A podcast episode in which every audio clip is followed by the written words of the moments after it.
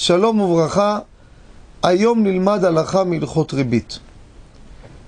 פעמים אדם מגיע למקום מסוים לקנות אוכל, לדוגמה מסעדה, והוא מזמין את האוכל, יושב, ממתין, ממתין, לפעמים יש עומס לקוחות ויש עיכוב, או כל מיני תקלות למיניהם, ובעל המקום רוצה לשמור על שמו הטוב, אז הוא מפצה את הלקוחות בעוד תוספת.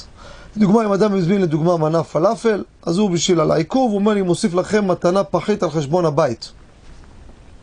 והשאלה היא, האם יש בזה ריבית או לא? שהרי הוא סיכם עכשיו לקנות ב-20 שקלים, וקיבל סחורה ב-25 שקלים. הלכה למעשה, פשוט וברור שאם האדם עוד לא שילם, אז מכר עוד לא יתבצע. הרי יכל לקום, להגיד לו להתראות, אני הולך. נמצא שמה שבא המוכר עכשיו במצב כרגע ונותן לו יותר, אין פה המתנה, אין פה על איזה עיכוב, כי לא היה פה שום חוב ביניהם. יכל לקום וללכת. ולכן, מה שהוא מוסיף, אין בזה בעיה, עוד לא שילם. אבל החידוש הוא אפילו אם הוא שילם. אף שיש ריבית במכר.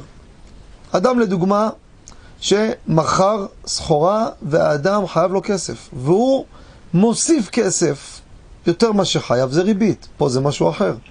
פה הוא מקבל סחורה, הוא לא מקבל כסף. כשהוא מקבל סחורה, אין בזה ואין פה, לא ניכר פה לא הלוואה ולא המתנה, ומותר לו להוסיף לו כפיצוי, ואין בזה ריבית. אפילו שהלקוח כבר שילם את הכסף. שילם, הזמין את האוכל. הוא אמור לקבל עכשיו סחורה, הוא לא מקבל תוספת בכסף. אם בעל החנות היה מוסיף לו פיצוי בכסף, זה בעיה. פה הוא מוסיף לו בסחורה, מותר הדבר ואין בזה ריבית. תודה רבה וכל טוב.